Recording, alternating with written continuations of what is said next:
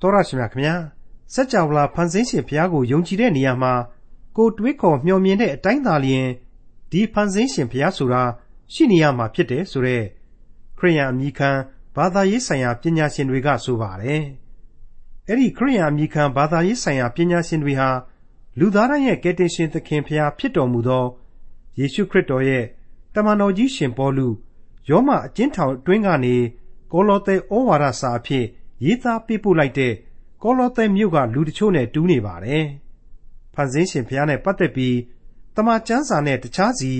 ဗျာဒတလန်တန်တလန်ဖြစ်တဲ့ကိုယ့်ရဲ့အတွေ့အခေါ်ကိုယ့်ရဲ့အဘိဓမ္မာတွေကို ထုတ်ပြန်ပြီးတခြားသူတွေနဲ့အပေးအယူအလျှော့အတင်းလုပ်နေကြတာတွေလည်းရှိပါတယ်။အဲ့ဒီလိုခရိယန်အမိခံ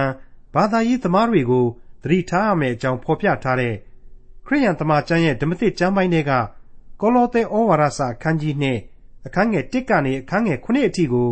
ဒီကနေ့တင်ပြရသောတမန်ကျမ်းအစီအစဉ်မှာလေ့လာမှာဖြစ်ပါတယ်။စစ်မှန်တဲ့ခရိယန်ဆိုတာယေရှုခရစ်တော်၌စိုက်ပျိုးတည်ဆောက်ထားတဲ့အတိုင်းဘယ်လိုဘယ်ပုံဘယ်နည်းရှိနေရမယ်ဆိုတာကိုလည်းတွေးရမှာဖြစ်တဲ့ကောလောသဲဩဝါဒစာအခန်းကြီး2အခန်းငယ်1ကနေအခန်းငယ်9အထိကိုဒေါက်တာထွန်းမြတ်ရေးကအခုလိုရှင်းလင်းဖော်ပြထားပါတယ်။သင်သိရသောသမ္မာကျမ်းရဲ့မိတ်ဆွေတော်တတ်ရှင်အပေါင်းတို့ခမညာ ဒီကနေ့အဖို့မှာတော့ကျွန်တော်တို့ဟာကောလောသဲဩဝါဒစာအခန်းကြီး1ကိုဆက်လက်လေ့လာသွားဖို့ရှိနေပါတယ်။ဒီအခန်းကြီး1ကိုလေ့လာရမှာဂန္ဓာကြီးနှစ်ခုပါဝင်တယ်လို့ကျွန်တော်ဆိုချင်ပါတယ်။ပထမဂန္ဓာကတော့တခြားမဟုတ်ပါဘူး။ခရစ်တော်သည်လူသားတို့၏အတွေးအခေါ်အယူအဆများအတွက်အဖြေဖြစ်သည်ဆိုတဲ့ဂန္ဓာကြီးဖြစ်ပါတယ်။ဒုတိယဂန္ဓာကတော့ခရစ်တော်သည်လူသားတို့၏ထုံတန်းအစဉ်အလာအများအတွက်အဖြေဖြစ်သည်ဆိုတဲ့ကဏ္ဍပါပဲ ကောလောသဲဩဝါဒစာကြီးကိုဏ္ဍန်အဖြစ်တင်ဆက်ပေးခဲ့စဉ်ကတည်းကခရစ်တော်ကိုယုံကြည်ခြင်းတရားဟာအစွန်းနှစ်ပါးကိုရောက်မသွားအောင်ဂရုစိုက်ရလိမ့်မယ်တိရေခဲတုံးများလို့အေးဆက်မာတောင့်ပြီးတော့ပုံသေးကြတဲ့အစဉ်အလာတွေထဲမှာပဲနစ်မြုပ်မသွားဘူးဂရုစိုက်ရမယ်နှစ်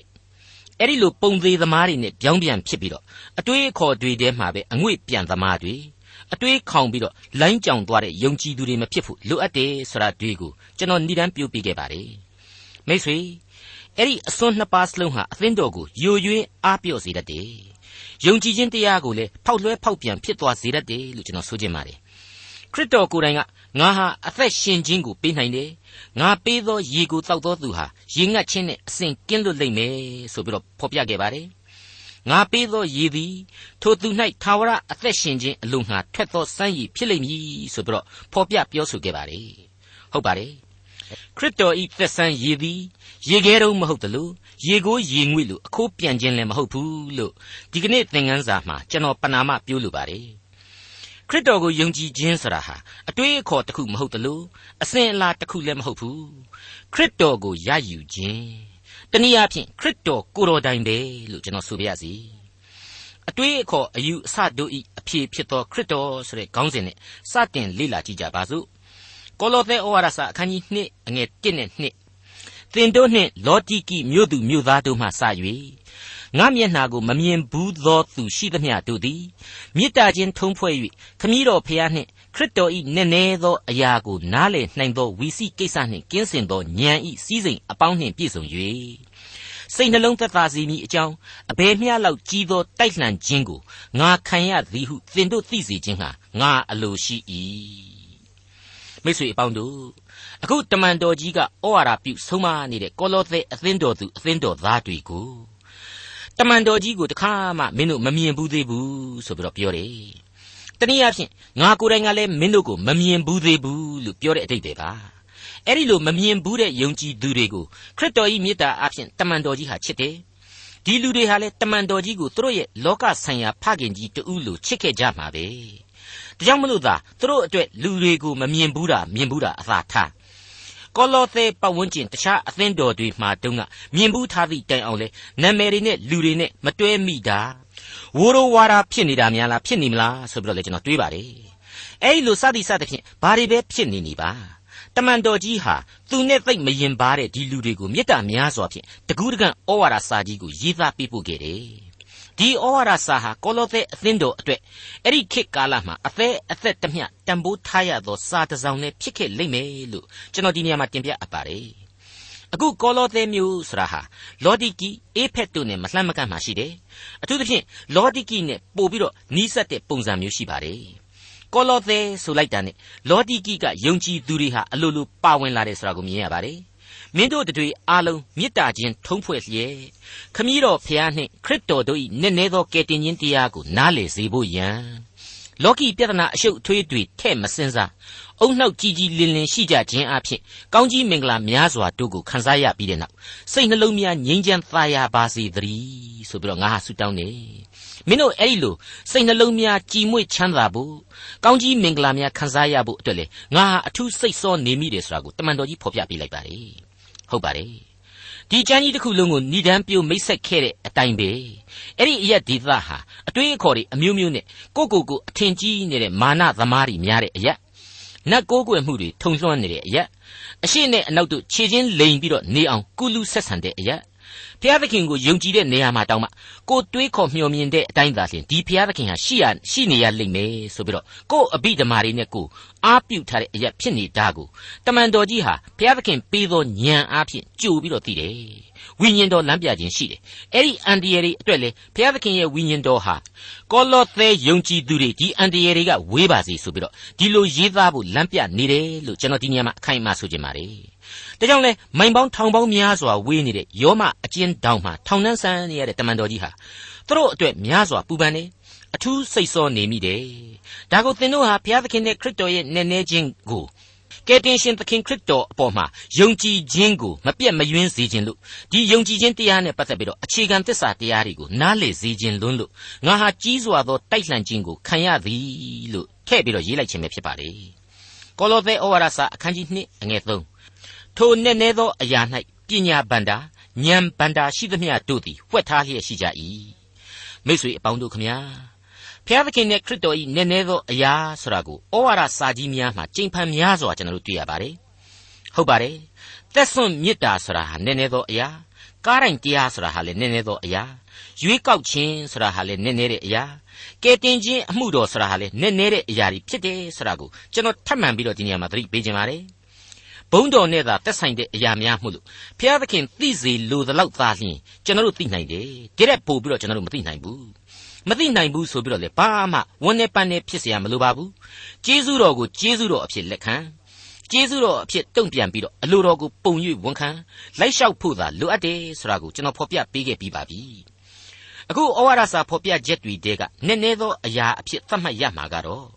အသင်းတော်သည်နည်းနည်းသောအရာပင်ဖြစ်သည်လို့ကျွန်တော်ဆိုချင်ပါတယ် ဟုတ်ပါတယ်ဓမ္မဟောင်းကာလရဲ့ဓမ္မဟောင်းကျမ်းများမှာအသင်းတော်ဆိုတဲ့ယုံကြည်သူအဖွဲ့အစည်းကိုတိုက်ရိုက်မပေါ်ပြပါဘူးနည်းနည်းစွာလျှို့ဝှက်ထားပါတယ်အခုခရစ်တော်အားဖြင့်သာလျှင်အကောင်အထည်နဲ့ဖော်ထုတ်ပေးနေတယ်ဖော်ထုတ်တဲ့နေရာမှာလည်းအလွန်ပြည်ပြင်းတိကျစွာနဲ့နာမတော်ကိုယူတင်ဝတ်ဆောင်ပြီးတော့ဖော်ထုတ်ပေးတဲ့အရာဖြစ်တယ်အဲ့ဒါကိုလူသစ်လို့လည်းသတ်မှတ်ပေးလိုက်တယ်ခန္ဓာတော်သစ်လို့လည်းဆိုခြင်းဆိုလို့ရတယ်ဒါကြောင့်အသင်းတော်သည်နည်းနည်းသောအရာပဲ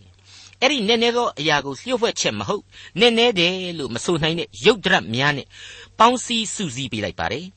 အဲ့ဒါကတော့နည်းနည်းချင်းခက်ခဲချင်းအရှင်းမရှိပြည်ပြင်းစွာသိရပြီးတဲ့ဓမ္မဟောင်းကျမ်းတွေထဲမှာကလေးကငါဤလူမျိုးတော်ဆိုပြီးတော့ရွေးကောက်ထားသူဣသရေလတွေတဲကသူ့ကိုယုံကြည်သူတွေရဲ့ငါကောင်းကြီးပေးမယ်ဆိုပြီးတော့အတိအကျအခိုင်အမာဂရိပေးထားတဲ့ကဘာတခွင်ကလူသားတွေတဲကယုံကြည်သူတွေရဲ့စုစည်းတီထောင်ပေးလိုက်ခြင်းပါပဲ အဲ့ဒီလိုအတိတ်သမိုင်းကလေးကအဖြေမှာကောင်းကောင်းမြင်ရပြီးသားလူမျိုးတော်ယုံကြည်သူရဲ့တပားမျိုးသားယုံကြည်သူရဲ့ဆိုတဲ့လူအုပ်စုကြီးနှစ်ခုကိုမှဘုရားသခင်ဟာပင်တီကုတ်တီဆိုတဲ့ပွဲတော်နေ့တနေ့မှာနည်းနည်းသောအမှုတစ်ခုအဖြစ်နဲ့အသစ်ဖန်ဆင်းပေးလိုက်ပါတယ်ဟုတ်ပါတယ်အဲ့ဒီအုပ်စုနှစ်ခုကိုတူပြိုင်စုစည်းစေပြီးတော့တန်ရှင်းသောဝိညာဉ်တော်အဖျင်ဗတ္တိဇံကိုပေးပြီးတော့သူ့ရဲ့ခန္ဓာတော်သစ်သို့မဟုတ်ကျွန်တော်ပြောခဲ့တဲ့လူသစ်ဖြစ်သည့်အသင်းတော်ဆိုတာကိုသူမွေးဖွားတန့်စင်ပေးလိုက်ခြင်းပါပဲ ဒါကြောင့်မို့လို့လေအဲ့ဒီခန္ဓာတော်အကြောင်းကိုကောရိန္သုဩဝါဒစာပထမစာဆောင်အခန်းကြီး7အငယ်7နဲ့73မှာရှင်ပေါလုအနေနဲ့အခုလိုဖော်ပြထားပါတယ်ဥပမာကကိုယ်တစ်ခုတည်း၌အင်္ဂါအများရှိသည်ဖြစ်၍ထိုတစ်ခုကြီးသောကိုဤအင်္ဂါအပေါင်းတို့သည်များလျက်နှင့်ကိုယ်တစ်ခုကြီးဖြစ်တဲ့ကဲ့သို့ထိုနည်းတူခရစ်တော်ဖြစ်၏အကြောင်းမူကားယုဒလူဖြစ်စေဟေလသလူဖြစ်စေ ကျွန်ဖြစ်စေလူလွတ်ဖြစ်စေငါတို့ရှိသမျှသည်ဝိညာဉ်တော်တပါးတည်းအဖြစ်တကိုယ်ကြီးကဲ့သို့ဗတ္တိဇံကိုခံကြ၏ငါတို့ရှိသမျှသည်တစိတ်တဝိညာဉ်ဒီတဲသို့လေတောက်ကြ၏ရှင်းနေပါတယ်မိတ်ဆွေအတိတ်သမိုင်းမှာအလွန်အလွန်လျှို့ဝှက်နေနေနေခဲ့တဲ့အသစ်သောယုံကြည်သူတို့ရဲ့အဖွဲ့အစည်းဟာခရစ်တော်ရဲ့ခန္ဓာတော်သစ်ပဲဖြစ်ပါတယ်ဒါကြောင့်မလို့လေတယူတန်ကြီးရှောလူဘွားကနေပြီးတော့အသင်းတော်ကိုလိုက်ပြီးတော့နှိပ်စက်နေချိန်မှာခရစ်တော်မေးလိုက်တဲ့မိကွန်းကတော့ ရှောလူရှောလူမင်းငါ့ကိုဘာကြောင့်ညှင်းဆဲသနည်းဆိုတဲ့မိကွန်းဖြစ်ပါတယ်ဆက်ပြီးတော့ကြင်ညာလိုက်ပြန်တာကတော့ငါသည်သင်ညှင်းဆဲနေသောယေရှုဖြစ်သည်ဆိုတဲ့ကြင်ညာချက်ပါတနည်းဆိုရင်တော့အသင်းတော်သည်ငါပင်ဖြစ်၏ဆိုတဲ့အချက်ပါပဲဒါကြောင့်အသင်းတော်ကိုညှင်းဆဲခြင်းသည်ခရစ်တော်ကိုညှင်းဆဲခြင်းအသင်းတော်ကိုချစ်ခြင်းသည်လေအသင်းတော်ကိုချစ်ခြင်းဆိုတာရှင်းနေပြီ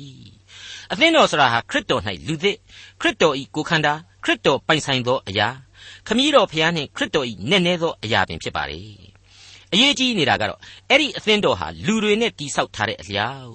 လူဇာတိပဂရိတွေကလွှမ်းမိုးနေတဲ့အသင်းတော်လားခရစ်တော်ရဲ့တန်ရှင်းသောဝိညာဉ်တော်၏ဥဆောင်မှုကိုခံယူဝိညာဉ်တော်လွှမ်းမိုးသောအသင်းတော်လားဒါကိုမူတည်ပြီးတော့မှခရစ်တော်၏အသင်းတော်အစ်စ်ဟုတ်မဟုတ်ကိုပိုင်းဖြတ်ဖို့ဖြစ်ပါတယ် အခုကောလောသဲဩဝါဒစာအရာထိုနည်းနည်းသောအရာ၌ပညာဗန္တာဉာဏ်ဗန္တာရှိသမျှတို့သည်ဖွက်ထားလျက်ရှိကြသည်တဲ့အဲ့ဒီလိုတွေ့ရပါတယ်အသင်းတော်၌ပညာဗန္တာဉာဏ်ဗန္တာများသို့ဖွက်ထားပါတယ်လို့ပြန်ဆိုနိုင်ပါတယ်ဘာကြောင့်ဒီလိုပြန်ဆိုနိုင်ပါသလဲခရစ်တော်သည်အသင်းတော်ဖြစ်ခြင်းကြောင့်ပါပဲမှန်ပါတယ်သုတ်တန်ကျမ်းသင်ခန်းစာတွေမှာတုန်းကလေးကဉာဏ်ပညာ၏အချုပ်အခြာသည်ခရစ်တော်ပင်ဖြစ်၏လို့ကျွန်တော်အချိန်ချင်းတင်ပြခဲ့ပူပါတယ်မှန်ပါတယ် ထာဝရဘုရားကိုကြောက်ရွံ့ယိုသေးခြင်းသည်ဉာဏ်ပညာ၏အချုပ်အခြာဖြစ်တယ်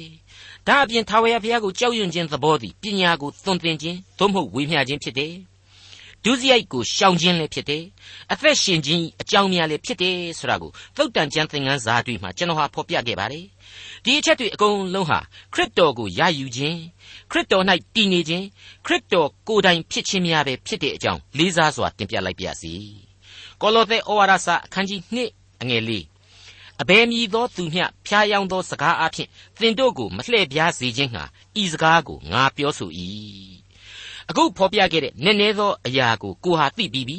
ရှင်းလင်းစွာခံယူနိုင်ပြီရင်ထဲမှာကြီးကြီးလင်းလင်းဖြစ်ပြီဆိုရင်စီးစိမ်အပေါင်းကိုကိုခံစားရမယ်နှလုံးသားအတွင်းမှာငြိမ်းချမ်းခြင်းရှိရမယ်ဆိုတာတွေကိုဖော်ပြခဲ့ပြီးပါပြီ စီးစိမ်ဆိုတာဟာကားကြီးတိုက်ကြီးစိတ်ငကတ်ကြီးနဲ့စီးစိမ်ကိုမဆိုလိုပါဘူးကောင်းကင်ဘုံစီးစိမ်သာဖြစ်ပါတယ်လူတို့ကြံစည်၍မမိနိုင်သောငြိမ်သက်ခြင်းဝမ်းမြောက်ခြင်းတွေဖြစ်တယ်လူအုံနောက်ကမမိနိုင်တဲ့လူအုံနောက်ကမိနိုင်တဲ့အကောင်းဆုံးဆိုတာတွေတဲ့ကောင်းမြတ်တယ်ကြွယ်ဝပြည့်စုံခြင်းဆိုတာတဲ့ပြည့်စုံတယ်လို့ကျွန်တော်ဆိုချင်ပါတယ် အခုအခန်းကြီး2ရဲ့အစမှာဖော်ပြထားခဲ့တဲ့ခမည်းတော်ဖျားနှင့်ခရစ်တော်၏နည်းနည်းသောအရာကိုနားလည်နိုင်သောဝီစီကိစ္စနှင့်ကင်းစင်သောဉာဏ်ဤစီးစိမ်အပေါင်းနှင့်ပြည့်စုံ၍ဆိုတဲ့လောကအရာတွေတဲ့အဆင့်အတန်းသာလွန်မြင်မာတဲ့စီးစိမ်ဖြစ်နေပါတယ်မိတ်ဆွေ ဒီလောက်အထိကြီးမြတ်သောကျေးဇူးနဲ့ဂရုနာတော်တို့ကိုခံစားရပြီကောင်းကင်ဘုံစည်းစိမ်ကိုထိတွေ့ရပြီတနည်းအားဖြင့်ကျွန်တော်အချင်းချင်းဖော်ပြနေတဲ့ကောင်းကင်နိုင်ငံတော်ရဲ့အရေးအငွေ့သို့မဟုတ်ရသကိုထိတွေ့ရပြီဆိုရင်ပတ်ဝန်းကျင်ကဘသူတွေကဘလောက်ပဲအပိဓမ္မာကြီးတွေတသနာကြီးတွေနဲ့ဘလောက်ပဲဆွေတရားဟောနေနေစိတ်မယောင်မိကြပါနဲ့ဖြုံးမနေကြပါနဲ့တွေ့ဝေခြင်းမရှိကြပါနဲ့ဒါကိုပဲငါကပြောခြင်းလို့ဒီလောက်အထိရှင်းပြခဲ့ရတာပါပဲအဲ့ဒီလိုတမန်တော်ကြီးကဆိုလိုက်ခြင်းဖြစ်ပါတယ် မိษွေအပေါင်းတို့ခမညာဘုရားသခင်ရဲ့နှုတ်ကပတ်တော်အပေါ်မှာလေအခုလိုပဲစကားတစားတွေဆင်ပြီးတော့ဖျားယောင်းသောစကားများဖြစ်အောင်လှည့်ပြားပြောဆိုခြင်းမပြုတ်နိုင်ဘူးလားလို့ကျွန်တော်မေးချင်ပါတယ်ကျွန်တော်အမြင်ကတော့နှုတ်ကပတ်တော်ကိုပြင်းစာရန်ဘက်တော်သားဟာကြပြောင်းကြပြန်လှုပ်ပြီးတော့ဖျားယောင်းသောစကားဖြစ်စီနိုင်တယ်ဒီစကားတွေနဲ့လည်းလှည့်စားနိုင်တယ်လှည့်ပြားနိုင်တယ်လို့ကျွန်တော်ပြောချင်ပါတယ်အတိတ်သင်ခန်းစာတွေမှာလည်းဒါကိုကျွန်တော်ရှင်းပြခဲ့ပြီးပါပြီ ဒီလိုနှုတ်ကပတ်တော်အဖြစ်ဖျားရောက်နေလှည့်ပြားတယ်ဆိုတာဒီကိုပြောရတာဟာအလွန်အလွန်ရင်နာစရာကောင်းမှပါတယ်ရှင်းလင်းတိကျပြတ်သားစွာတွေ့မြင်ရတဲ့ကဲတင်ပိုင်သောအရှင်နဲ့သူ့ရဲ့ကဲတင်ရင်တရားအသက်ကိုပေးပိုင်သူနဲ့သူ့ရဲ့အသက်လန်းခရီးကိုရေခဲတုံးကြီးတွေလိုတရသေးဖြစ်အောင်လုပ်တဲ့လူတွေအတွေးခေါင်ပြီးတော့အခိုးအငွေ့လိုလွင့်ပြန်အောင်လုပ်တဲ့လူတွေကြောင့်မပြောရင်မဖြစ်လို့သာပြောရတယ်လို့ကျွန်တော်ဆိုချင်ပါတယ်ကျွန်တော်ပြောတဲ့အတိုင်းပဲခရစ်တော်ကိုယုံကြည်ခြင်းသည်အတွေးအခေါ်လည်းမဟုတ်အစဉ်အလာလည်းမဟုတ် ခရစ်တော်ကိုရယူခြင်းသာဖြစ်သည်ခရစ်တော်၌တည်နေခြင်းသာဖြစ်သည်ခရစ်တော်၌တလုံးတဝတည်းဖြစ်ခြင်းသာဖြစ်သည်ခရစ်တော်ကိုယ်တိုင်ပင်ဖြစ်သည်လို့ကျွန်တော်တင်ပြပါရစေကောလောသဲဩဝါဒစာအခန်းကြီး2အငယ်9ငါသည်ကိုခန္ဓာအားဖြင့်သင်တို့နှင့်ကြွာ၍နေတော်လေစိတ်ဝိညာဉ်အားဖြင့်သင်တို့နှင့်အတူရှိသည်ဖြစ်၍သင်တို့သည်လျှောက်ပတ်စွာစီရင်ပြုပြင်တတ်သည်ကို၎င်းခရစ်တော်၌ခိုင်ခံ့စွာယုံကြည်သည်ကို၎င်းမြင်လျင်ဝမ်းမြောက်ခြင်းရှိ၏ ရင်သက်ရှုမောပွေကောင်းလောက်အောင်ထိရောက်တယ်ခရိယန်ယုံကြည်သူအသင်းတော်တို့နဲ့ယုံကြည်သူတဦးချင်းတို့ဘဝမှာဘယ်တော့မှမမေ့တိုက်တဲ့အဆုံးအမတစ်ခုပဲလို့ကျွန်တော်ခံယူပါတယ်ဟုတ်ပါတယ်ပုဂ္ဂိုလ်ရေးခံစားချက်အဖြစ်နဲ့မင်းတို့နဲ့ငါဟာဝေးနေတယ်မင်းတို့ကိုလည်းငါမမြင်ဘူးဘူးမင်းတို့ကလည်းငါမမြင်ဘူးဘူးမြင်ဘူးတဲ့တိုင်အောင်လဲတယောက်တလေရှိသည့်တိုင်အောင်လဲငါမမှတ်မိနိုင်တော့ဘူးလူနဲ့နာမည်တွေနဲ့တွဲပြီးတော့လဲငါမပြီးပြီးပြင်းရင်ငါမမှတ်မိတော့ဘူးမသိတော့ဘူး အဲ့ဒီလောက်ထိလူချင်းဝေးကွာနေပြီမဲ့ငါစိတ်ဝိညာဉ်ဟာမင်းတို့နဲ့အတူရှိနေပါတယ်တဲ့အဲ့ဒါကို तू ဖော်ပြပေးလိုက်ပါတယ်မြန်မာစကားစုတစ်ခုမှာနီးတကြက်ကြက်ဝေးတသက်သက်ဆိုပြီးတော့ရှိပါတယ်အခုတမန်တော်ကြီးပြောတာဟာအဲ့ဒီလူဘဝလူသဘာဝနီးတကြက်ကြက်ဝေးတသက်သက်သဘောမျိုးပြောတာမဟုတ်ပါဘူးခရစ်တော်၏မေတ္တာတော်အရေးမှာတလုံးတဝါရီရှိတယ်။နီးသည်ဖြစ်စေဝေးသည်ဖြစ်စေတွေ့ဘူးသည်ဖြစ်စေမတွေ့ဘူးသည်ဖြစ်စေခရစ်တော်၏တန်ရှင်းသောဝိညာဉ်တော်အပြင်တလုံးတဝါရီတည်နေပါသည်တဲ့ မိတ်ဆွေအပေါင်းတို့ခမညာအခုလိုတမန်တော်ကြီးဆိုလိုက်တာဟာကောလောသဲလူသားယုံကြည်သူတို့ရဲ့ယုံကြည်ခြင်းတရားကြီးမား၍ဝိညာဉ်ခွန်အားနဲ့ပြေဝပုံတစ်ချိန်တည်းမှာတမန်တော်ကြီးရဲ့စိတ်ဝိညာဉ်ဟာလေခရစ်တော်၌အကျွင့်မဲ့ဆက်ဆက်၍ရှင်သန်နေပုံတို့ကိုသိသာစွာဖော်ပြနေတယ်တက်တည်ပြနေတယ်လို့ကျွန်တော်ခံယူပါတယ်မိษွေတို့ကျွန်တော်တို့ယုံကြည်သူတွေဟာတယောက်နဲ့တယောက်တိုင်ပင်ဆွေးနွေးကြတယ်စာရေးဆက်သွယ်ကြတယ်အလုပ်တွေအတူတကွလုပ်ကြတယ်ဆိုရင်အမှုတော်မြတ်၌ခရစ်တော်၌ in Jesus name စသည်စသဖြင့်ခရစ်တော်ရဲ့နာမတော်ကိုခေါင်းစဉ်တက်ပြီးတော့မွန်းမွန်အောင်တစားဆင်တတ်ပါတယ်သုံးတတ်ကြပါတယ်အမှန်တကယ်နည်းနည်းစွာနဲ့ခံယူသုံးဆွဲခြင်းမှဟုတ်ကြပါစားအဲ့ဒီလိုပြောမှဆိုမှရေးရမှအားရပါရရှိလို့စိတ်ထဲမှာလုံခြုံတယ်လို့လို့ခံစားရလို့ကိုကိုကိုလည်းဖျားတရားမမြဲဘူးထင်မှဆိုလို့ဆိုတဲ့စိုးရိမ်စိတ်ပေါင်းများစွာနဲ့များဖြစ်နေကြသလားမယုံတယုံနဲ့များဖြစ်နေကြပါသလားဒါတွေကိုကျွန်တော်တို့ပြန်ပြီးတော့ဆန်းစစ်ဖို့လိုပါတယ် အခုတမန်တော်ကြီးကတော့တကယ်ကိုနှစ်နှစ်ကာကာပြင်းပြင်းပြပြဆိုလိုက်ခြင်းဖြစ်တယ်ခရစ်တော်ပေးသောဝိညာဉ်ဤမေတ္တာ၌အမှန်သူဟာတည်နေတယ်အဲ့ဒီလိုအမှန်တည်နေတဲ့အကြောင်းကိုလေသူ့ရဲ့စကားအဆက်ဟာအတည်ပြုပေးလိုက်ပါတယ်ဟုတ်ပါတယ်ကောလောသဲသားတို့ရေမင်းတို့ဟာလျှောက်ပတ်တင့်တယ်စွာစီရင်ပြုပြင်တတ်သည်ကို၎င်းခရစ်တော်၌ခိုင်ကန့်စွာယုံကြည်ကြသည်ကို၎င်းငါမြင်၏တို့ဖြစ်၍များစွာဝမ်းမြောက်ဝမ်းသာလည်းဖြစ်ရ၏တဲ့ ကောလောသဲသားတွေကိုသူတဲတဲကွဲကွဲမမြင်ဘူးဘူးဒါမှမဟုတ်လည်းမမှတ်မိဘူးဘူးလို့ကျွန်တော်ဖော်ပြခဲ့ပြီးပြီဒါပေမဲ့ကောလောသဲအသင်းတော်သားတွေရဲ့လုတ်ကင်ဆောင်ရွက်ချက်တွေကိုသူမြင်တယ်ဆိုပါလားကောလောသဲသားတွေရဲ့ယုံကြည်ခြင်းကြီးမားမှုကိုမြင်တယ်တဲ့ထူးဆန်းမနေဘူးလားဒါအခန်းကြီး1တုန်းကအေးပဖြာမှတဆင့်ကြားရသောတရင်အေးပဖြပြသခဲ့သောကောလောသဲသားယုံကြည်သူတို့ရဲ့မေတ္တာသဘောနဲ့လေဆက်နွယ်နေတယ်ဆိုတာကိုတော့မငြင်းနိုင်ပါဘူး အခန်းကြီး1ရဲ့အငယ်9နဲ့10မှာအခုလိုဖော်ပြထားခဲ့ပါတယ်သင်တို့အမှုကိုစောင့်၍ခရစ်တော်၌တစ္ဆာရှိသောဆရာကြီးဟုသောငါတို့ချစ်သောကျွန်ချင်းအေးပဖြသည်သင်တို့ကိုသွန်သင်သည့်အတိုင်းသင်တို့သည်ကြား၍ဘုရားသခင်ကျေးဇူးတော်ကိုမှန်ကန်စွာဝန်ခံသောနေ့မှစ၍ထိုသို့သောအကျိုးရှိ၏သင်တို့၌ရှိသောဝိညာဉ်ပဂရိမေတ္တာကိုအေးပဖြသည်ငါတို့အားပြခဲ့ပြီတဲ့ဒါပေမဲ့အေးပဖြကပြောပြတာ ဖောက်သည်ချတာတွေ့တဲ့ခရစ်တော်၏သန့်ရှင်းသောဝိညာဉ်တော်ကသွန်သင်ခြင်းယူပါယုံပေးခြင်းခံစားထိတွေ့စေခြင်းပဲလို့ကျွန်တော်တော့အခိုင်အမာယုံကြည်ပါတယ်။ဘာဖြစ်လို့အဲ့ဒီလိုယုံကြည်သလဲဆိုတော့ဒီနှုတ်ကပတ်တော်ဆိုတဲ့စာပေဟာဒီကနေ့ကျွန်တော်တို့စီအထိဝိညာဉ်ရေးခွန်အားကိုကြဲရိုက်ခတ်ပေးအပ်နေတဲ့စာပေ။အသင်းတော်ဆိုတဲ့လူသစ်များအတွက်ဝိညာဉ်ရေးအုံမြစ်တွေကိုချပေးနေခဲ့တဲ့စာပေ။ဒါကိုရေးသူကရှင်ပေါလုအသက်တရားအဖြစ်စီရင်တာကတော့ဝိညာဉ်တော်ဖြစ်တယ်။ ရှင်ပေါလုကိုမင်းဒီဩဝါဒစာမှာဒီလိုရေးလိုက်ဟိုဩဝါဒစာမှာဟိုလိုရေးလိုက်ဆိုပြီးတော့စီရင်တော်မူတယ်ဆိုတာဟာခရစ်တော်ရဲ့ဝိညာဉ်တော်အဲ့ဒီလိုမင်းဒီလိုရေးဟိုလိုရေးဆိုပြီးကျွန်တော်ကပြောလိုက်တော့လေကျွန်တော်ကအများနားလေလွယ်အောင်သာပြောတာပါနော်ဖျားသခင်ကပဲကြိမ်လုံးကလေးနဲ့လာလာတုတ်ပြီးတော့ပါဇက်ကပြောမှပြောတာမဟုတ်ဘူး တမန်တော်ကြီးရဲ့အမြင်တွေအကြားတွေအာယုံခန်းစားချက်တွေထဲမှာသူမရောက်ဘူးတဲ့ဒေသကအသင်းတော်ကိုသူကိုယ်တိုင်ရောက်သွားပြီးတကယ်သို့ရောက်သွားတာတဲ့ပင်ပို့ပြီးတော့မြင်ကွင်းရှင်းရှင်းနဲ့ခင်းကျင်းပြသပေးလိမ့်မယ်။နားလေကျွန့်ကျင်စေလိမ့်မယ်။ဝိညာဉ်တော်ဟာအဲ့ဒီလိုတမန်တော်ကြီးကိုသွန်သင်ခဲ့ခြင်းဖြစ်တယ်ဆိုတာဟာရှင်းနေပါလေ။ မိတ်ဆွေအပေါင်းတို့အဲ့ဒီလိုကောလောသဲသားတွေဟာအသင်းတော်ကိစ္စလူအချင်းချင်းနဲ့သက်ဆိုင်တဲ့ကိစ္စတွေနဲ့တကွကိစ္စအလုံးစုံတို့ကိုလုတ်ကင်ဆောင်ရွက်ကြရမှာတင့်တောင့်တင့်တယ်ဖြစ်အောင်လုပ်တယ်အကောင်းဆုံးစီမံဆောင်ရွက်ပေးကြတယ်ပြင်ဆင်သင့်တာတွေကိုပြင်ဆင်တယ်ဆိုတာကိုလျှောက်ပတ်စွာစီရင်ပြုပြင်ကြတယ်ဆိုပြီးတော့တမန်တော်ကြီးကဖော်ပြလိုက်ပါတယ်ဒါကိုအင်္ဂလိပ်စကားကတော့ order ဆိုပြီးတော့သုံးထားပါတယ်စီးစနစ်ကြနာတယ်ဆိုတဲ့လူအဖွဲ့အစည်းရဲ့သဘောပါပဲမိတ်ဆွေ အသင်းတော်အတိုင်းအဝိုင်းဆိုတာဟာတကယ်တော့လူအဖွဲ့အစည်းပဲဇာတိပဂရိလူသားတွေနဲ့သာဖွဲ့စည်းထားတာပဲမဟုတ်ဘူးလား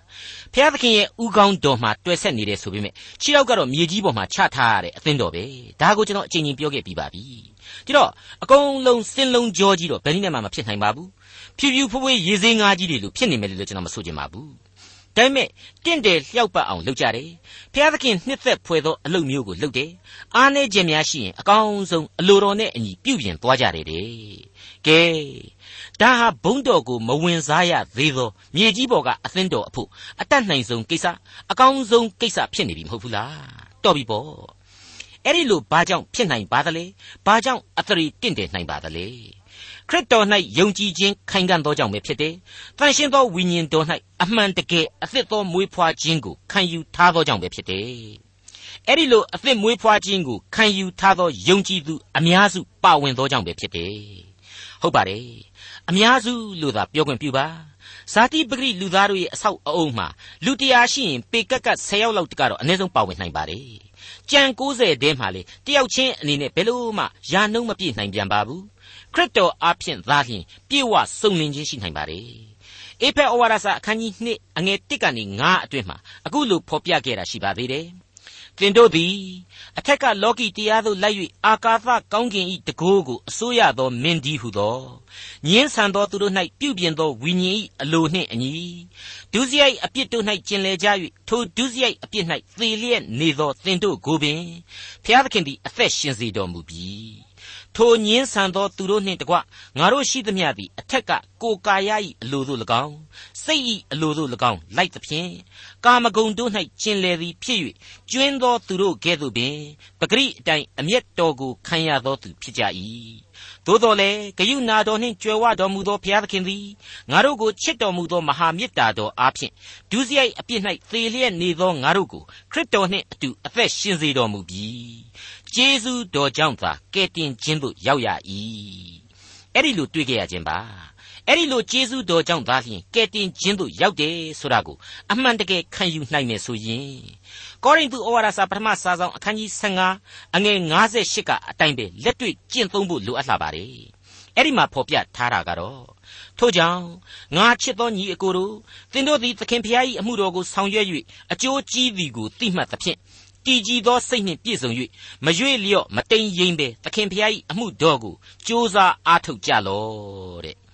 မိတ်ဆွေအပေါင်းတို့အခုအချိန်မှာတော့ကောလောသဲဩဝါဒစာအခန်းကြီး2အငယ်6နဲ့9ကိုဆက်လက်နားဆင်ကြည့်စေချင်ပါတယ် ထို့ကြောင့်သင်တို့သည်သခင်ယေရှုခရစ်ကိုခံယူပြီးပြီဖြစ်၍ထိုသခင်၌စိုက်ပျိုးခြင်းတိဆောက်ခြင်းရှိလျက်ဤဥပရိသကိုခံပြီးသည့်အတိုင်းယုံကြည်ခြင်း၌မြဲမြံစွာဆွဲလန်းလျက်ကျေးဇူးတော်ကိုချီးမွမ်းခြင်းနှင့်တကွယုံကြည်ခြင်းတိုးပွားပြည့်စုံလျက်ထိုသခင်၌ကျင့်လေကြလော့သခင်ခရစ်တော်ကိုခံယူခြင်းတဲ့မိတ်ဆွေ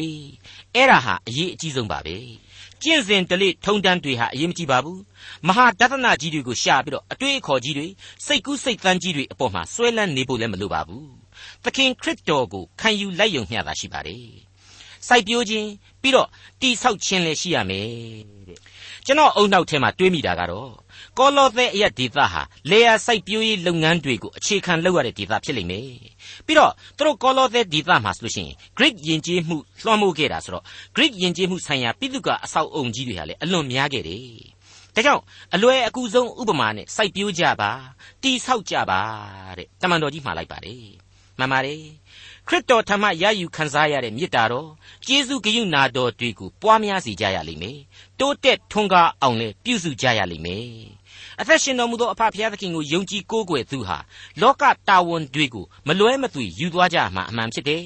ကြောက်ရွံ့တုန်လှုပ်เสียအရှင်းမရှိပါဘူးသခင်နှင့်အတူလက်တွဲလျှောက်လှမ်းသွားယုံပါပဲမိษွေတော်တတ်ရှင်အပေါင်းတို့ခမညာကောလောသဲဩဝါဒစာအခန်းကြီး1မှာဂန္တာကြီးနှစ်ခုပါဝင်ခဲ့တယ်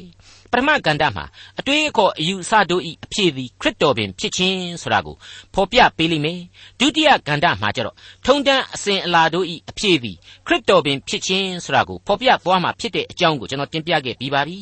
ဒီကနေ့ဖို့မှာတော့ပထမကန္တဖြစ်တဲ့အတွေးအခေါ်အယူအဆတို့ဤအဖြစ်ဖြစ်သောခရစ်တော်အကြောင်းကိုကျွန်တော်တစိမ့်တစ်ပိုင်းတင်ပြလို့ပြီးခဲ့ပြီးပါပြီ